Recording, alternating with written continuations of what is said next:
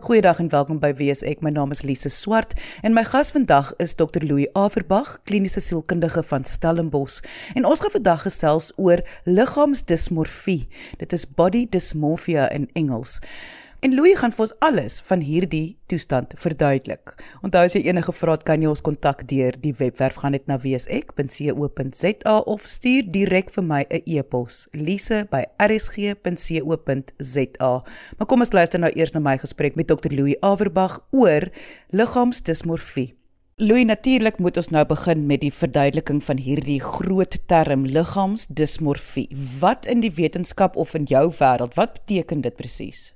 Liggaamsdismorfie het, het alles te doen met obsessiwiteit en dit gaan eintlik ook oor 'n stukkie van onrealiteit en so bietjie psigotiese manier van dink om eerlik te wees. Nou as jy kyk na liggaamsdismorfie wat 'n diagnose is. Ehm um, dis 'n rare diagnose. Dit kom nie baie voor nie, maar dit kom tog wel voor en 'n sekere deel daarvan is besig om al hoe meer te raak in die in die moderne samelewing is so wat dit vir my beteken is dit is 'n diagnose van van 'n persoon wat 'n baie onrealistiese amper 'n verwronge beeld het van 'n sekere deel van sy of haar se liggaam en wat aanhoudend obsessief daaroor is of gedrag wys daaroor heeltyd in die spieël kyk of 'n uh, ander tipe gedrag of heeltyd daaroor dink en planne maak. En iemand met 'n met 'n diagnose van liggaamsdismorfie uh, funksioneer gewoonlik nogal redelik sleg en sukkel om sosiaal en in werk en in ander omstandighede te funksioneer. Ek wonder of jy nie dalk net vir ons 'n voorbeeld kan gee. Um is dit is dit positief, negatief, wat's dele van hulle lyf? Hoe hoe, hoe sal so iemand dink? Ja, dit dit is waar iemand regtig op 'n spesifieke deel van hulle liggaam of hulle voorkoms fokus en glo dat dit abnormaal 'n uh, versteurd is en abnormaal is, maar ander mense kan dit nie sien nie en hierdie is baie belangrik. Mees algemeenste is met vel en gesigkondisies soos mense sal voel dat hulle onooglike vel het of hulle hulle vel te lig is of te donker is of dele van die liggaam dat jou ore te groot of te klein is of te lelik is of jou neus of jou tande. Maar onthou ons praat nie hier van iemand wat in die spieël kyk en nie tevrede is met hulle voorkoms nie. Ek en, en baie mense, miljoene mense, uh kyk tog in die spieël en is nie baie tevrede met wat hulle sien nie. Ons praat hier van iemand wat glo dat my uh uh ore byvoorbeeld is so onooglik aaklig. Ek kan nie in die openbaar verskyn nie. Maar ander mense sien dit byvoorbeeld glad nie. En dit sê jy is die groot reël dat dit wat die, die persoon oplet, dit wat hulle nie van hou nie, kan niemand anders raak sien nie. Ja, en dit is 'n absolute obsessie en hulle spandeer geweldig baie tyd om te dink daaraan om te praat daaroor om vergelykings te tref om in die spieël te kyk en op te lees ensovoorts ensovoorts. Ek het altyd gedog dat uh, liggaamsdismorfie val onder soos 'n eetversteuring. Nee, nee, dit is baie belangrik as mens gaan kyk na diagnostisering van liggaamsdismorfie dat eetversteurings uitgesluit word. Nou, onthou nou, uh waar iemand met 'n eetversteuring ook 'n vorm van dismorfie het. Met ander woorde, hulle sal byvoorbeeld glo hulle is te obese. Hulle is baie groter as wat hulle is. Is, is gaan ons eers 'n eetversteuring uitsluit voor ons kyk na liggaamsdismorfie. By liggaamsdismorfie ehm um, het ons 'n baie spesifieke deel van die liggaam waarop ons fokus en gaan dit oor simmetrie miskien of 'n spesifiek deel van die liggaam wat te lelik of te onooglik of te groot is. Dit is nie noodwendig ek is te vet of te maar nie om dit amper so te stel. Dis baie moeilik om in te dink dat iemand hulle self so kan oortuig van iets. Ek bedoel ek bedoel ons almal kan verstaan soos jy sê ons is nie almal gelukkig met hoe ons lyk nie. Daai jy weet die neus is miskien 'n bietjie skeef of die heup is te groot of die knie is te plat. Maar om so obsessief oor een iets te wees dat dit so erg is om nie vir jouself te kan sê ag wat dan so wat dan is dit nou maar ook so. Dis 'n baie vreemde ding om met so half daar in te dink. Dit is 'n vreemde ding en dit is hoekom ons sukkel om ons daarin te dink want daar is 'n daar is regtig 'n mate van van ek wil amper sê denke wat bietjie versteur word in daardie oomblik, maar nie noodwendig met ander dinge in die lewe nie. En en dit is regtig iets wat mense se lewens heeltemal oorneem, né? Dit is baie belangrik om te sê. Soos alles het hierdie vorm van liggaamsdismorfie natuurlik ook grade. Dit kan in 'n ligter graad voorkom waar mense darme insig het om te besef maar luister, dit wat ek dink oor hierdie liggaamsdeel of dele van my is onrealisties en is nie regtig so nie. Maar ek kan nie help om so te dink nie tot by 'n punt waar dit volkome delusioneel is waar jy duidelik kan sien dat jou uh ek neem 'n simpel voorbeeld dat jou kop byvoorbeeld te groot is vir jou lyf. Ander mense sien dit natuurlik nie, maar jy kan dit duidelik sien en jy glo dit is ook so. En kyk onthou dat baie van hierdie toestand van dismorfie gaan met angsversteurings gepaard, nê? Obsessiewe uh uh versteurings het 'n geweldige komponent van angstigheid onderliggend. En en en waar angstigheid dan voorkom, kry mens baie keer obsessies en herhaalde gedagtes en en amper 'n fiksering op 'n sekere op 'n sekere ding. Wat is die vrees? Ek bedoel, die, waar lê die angs? Lê dit dat mense gaan lag vir my ore wat te groot is mm. of ja, is dit ja, ja, wat ja. mense gaan sê oor my? Ja, dit is dit is daardie ding. Is dit die verskil uh, jy weet die verskil tussen gewone ydelheid en ontevrede met mense uh, mense voorkoms is iets heeltemal anders. En as jy kyk na liggaamsdismorfie, dan is dit 'n absolute kruistog waarop jy is om asseblief tog net normaal te te wees. Jy is nie gepla of jy mooi of nie mooi is nie. Jy is gepla dat jy net moet normaal wees. Want hierdie liggaamsdeel of dele van jou waarvan jy so intens bewus is, verander jou in 'n groteske monster en jy kan tog nie so in die openbaar verskyn waar mense vir jou gaan sien en opmerkings mag in vir jou lag nie. So sosiale angs is 'n geweldige hoë komponent van liggaamsdismorfie. En baie keer word dit ondergediagnoseer want mense steek dit weg. Hulle skaam daaroor. Geweldig skaam en wil dus nie bekend maak. Haai kyk kyk my vel of my neus of my voet of wat dit ook al is nie. Dis juis wat ek nou gedink het is dat Louis mense wat wat uh, liggaamsdismorfie ervaar Hulle sê seker vir niemand nie. Ek bedoel as ek voel my ore en ek is obsessief oor my ore wat te groot is, gaan ek mos nou nie vir dit mense dit vertel nie. Dis mos nou juist die teenoorgestelde reaksie. So sies tog hierdie mense moet hulle self geweldig isoleer. Ja, jy weet dit kom so tussen 1 en 2% van die samelewing voor. So dis nie 'n hoë voorkoms onder almal nie, maar selfs die mense wat geweldig sukkel daarmee kom, is dit gewoonlik nie uh, agter nie omdat hulle dit wegsteek of kamoufleer en onthou eindelose tyd spandeer om uh byvoorbeeld ander klere aan te trek dat jy nie agterkom hoe lyk die liggaamsdeel nie of gremering um of sosiale situasies beplan of op sekere maniere wees of nie wees nie sodat mense dit nie kan agterkom nie. Dis 'n konstante obsessie waaraan ure en ure per dag spandeer word. Wanneer begin hierdie obsessie? Sou mens al in 'n 'n tienerjare, adolessente jare dit al begin agterkom? Mm dit begin gewoonlik so op die ouderdom van 12, 13 begin dit posvat en dan hier by die ouderdom van 15 kan be, be, ge, oor die algemeen neem dit dan baie baie sterk pos.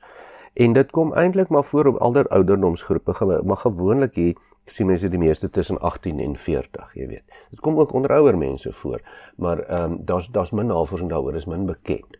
En ehm um, dit kom feitelik altyd omtrent in die tienerjare voor. En as jy gaan kyk Lise, dit is omtrent eweveel mans, eweveel vroue, bietjie meer vroue sukkel met met met 'n uh, liggaamsdismorfie. Maar interessant dat vroue bietjie meer oor simmetrie en en gesigsdele, jy weet jou jou vorm van jou gesig of of dele van jou oë of of jou wange uh besorgd raak en mans nogal meer oor dele van hulle liggaam en veral oor genitalie snaaks genoeg. Maar dan kry ons natuurlik ook 'n subkomponent van liggaamsdismorfie wat ons spierdismorfie noem. En dit is 'n ding wat amper uitsluitlik net onder mans voorkom. En dit is die oortuiging dat jou liggaam, jou spiere letterlik te klein is. Jy is nie groot en fris genoeg nie. Maar Lise, hierdie is 'n kommerwekkende tendens wat besig is om om wêreldwyd onder jonger mense, jonger mans, tieners, jong volwassenes. En ons sien dit oral nou om ons in die in die in die skole ook.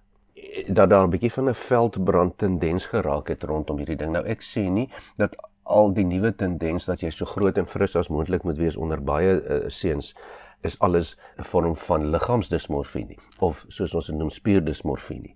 Maar dit is duidelik die navorsing dui ook aan dat dat groepsgedrag, sosiale media ensovoorts hierdie uh, persepsies baie duidelik kan versterk. Dink gou mooi.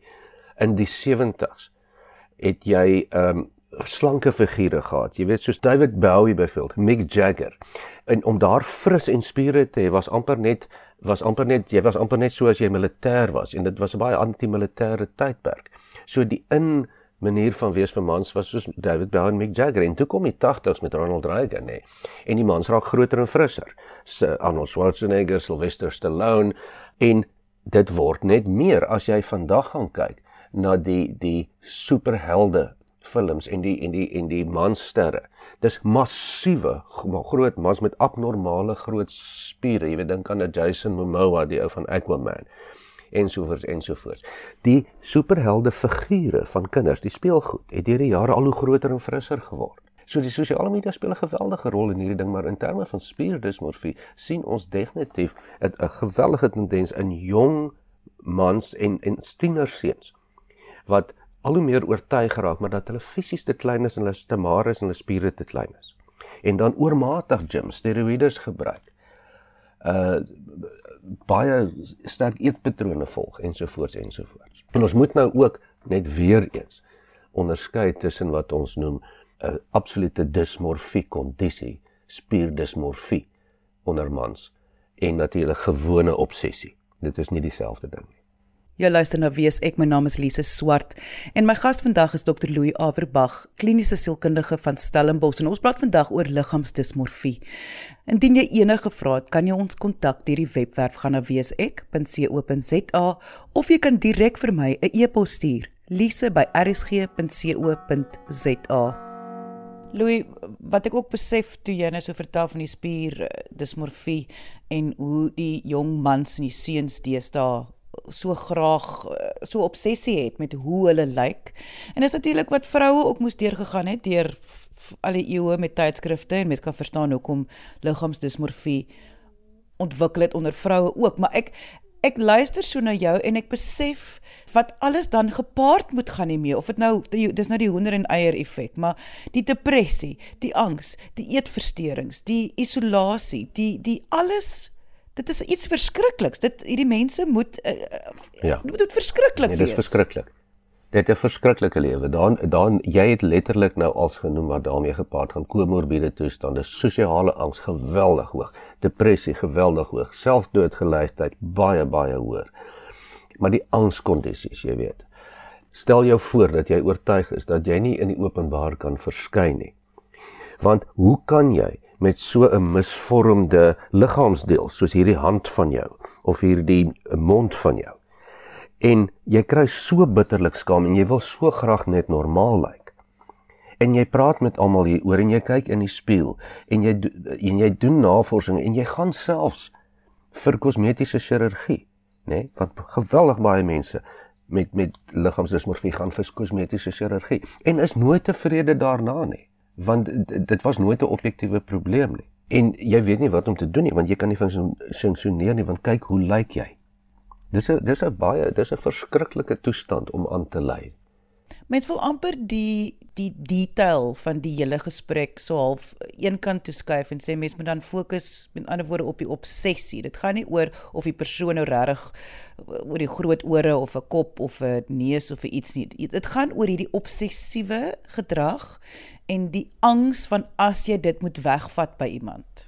Ja, ja, die die uh, obsessiewe gedrag is altyd daar vir 'n rede. Dit is gewoonlik om die angstigheid te verminder, om 'n doel te bereik. In hierdie geval is om om net normaal te kan wees, om net 'n normale gelukkige lewe te lei. En die obsessies, die gedagtes wat daaromtrent gaan, dis sê nou maar gedagtes wat daaromtrent sê nou maar ek kom in hierdie sosiale situasie, wat gaan die mense van my dink? Sê nou maar by die werk lag hulle vir my ensovoorts ensovoorts ensovoorts. So jy weet uh, mense sien so, weer eens soos genoem dit is nie so hoër voorkoms in die algemene samelewing nie omtrent tussen 1 en en en 2%. Maar die die spier dismorfie deel daarvan wat onder jong mans voorkom uh is geweldig hoog en is besig om om om afmetings aan te neem wêreldwyd. En reg oor die wêreld is is die uh, liggaamsdismorfie voorkoms maar eintlik dieselfde, weet. Dit verskil so 'n bietjie kultureel.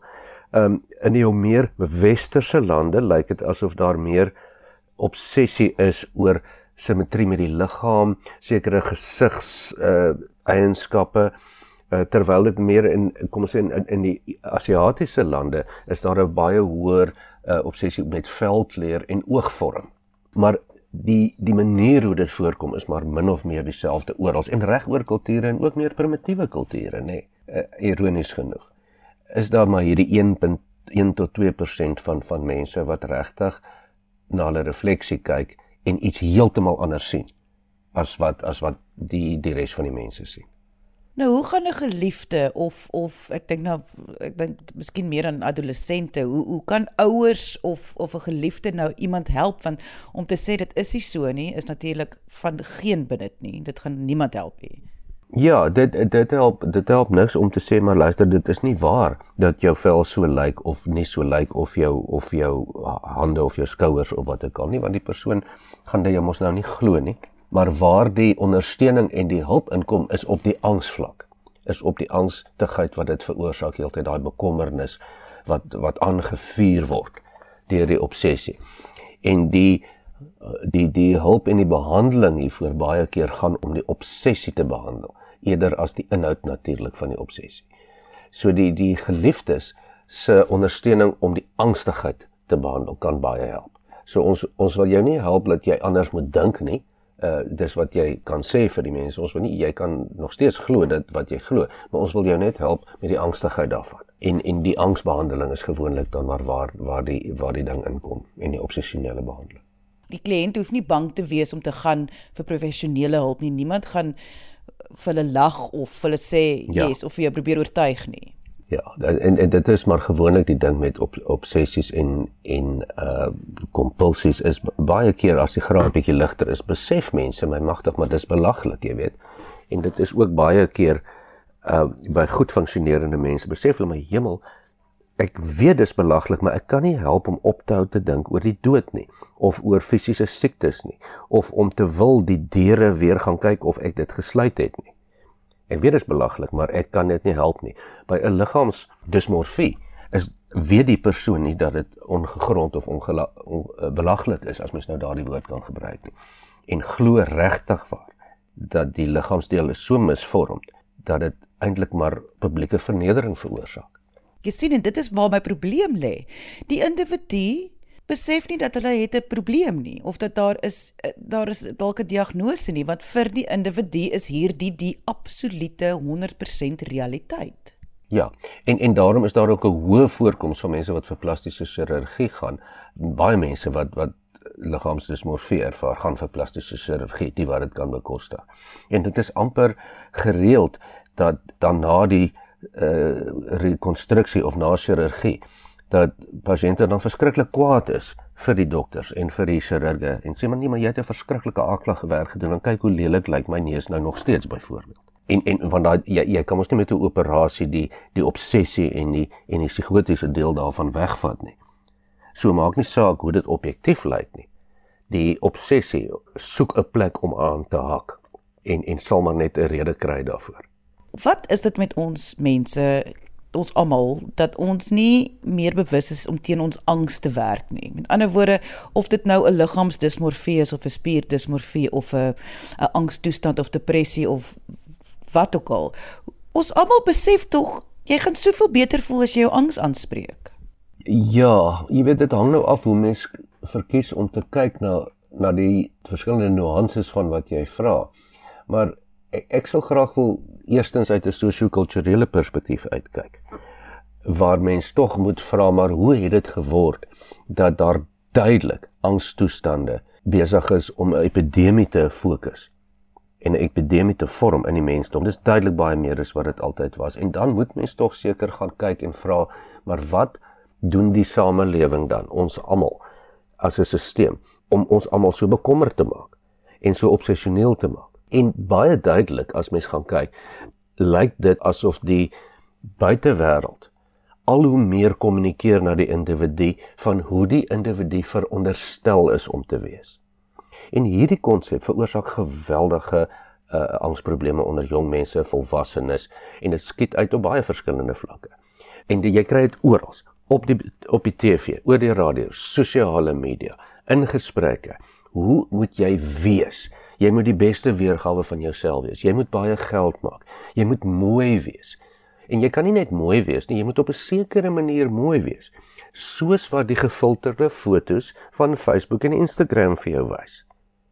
Jy moet ook ambisieus wees en jy moet vrolik wees en ekstroverties uitopgewonde en lekker met almal kan gesels. Verder moet jy nog fiks wees en jy moet daarom na jouself kyk ensovoorts ensovoorts ensovoorts. En die die sigbare kommunikasie oral word al hoe meer en meer en meer. En baie mense kan nie hierdie druk weerstaan nie. Uh, Lesse dit is uh, selfs subliminaal word hierdie boodskappe oorgeneem.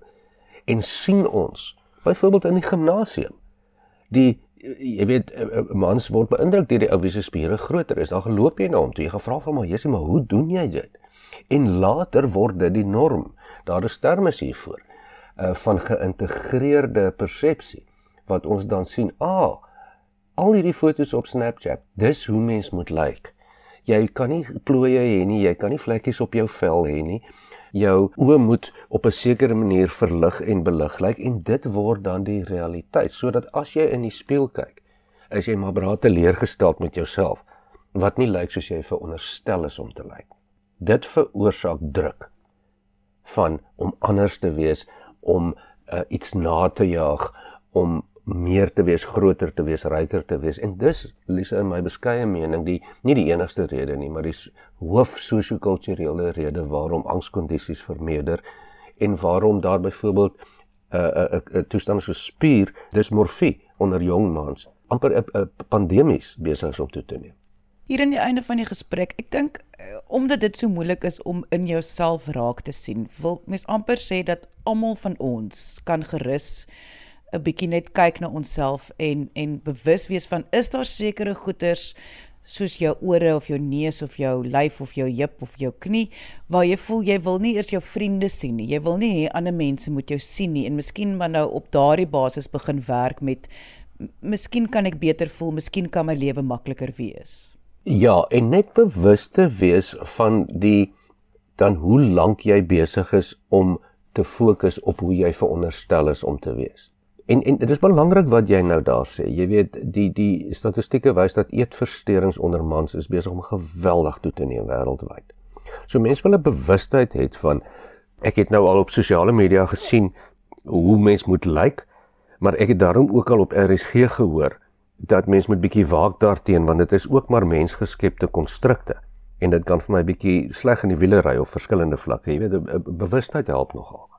En dit is die stem van Dr. Louis Averbag, kliniese sielkundige van Stellenbosch. Indien jy enige vrae het oor hierdie onderwerp of dit nou oor jou eie lyf gaan en of dit dalk oor 'n geliefde se gedrag gaan, kan jy ons kontak deur die webwerf gaan na wesek.co.za of stuur direk vir my 'n e-pos lise@rsg.co.za.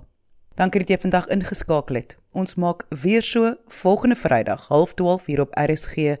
Jy moet 'n heerlike naweek hê he, en onthou, kyk mooi na jouself.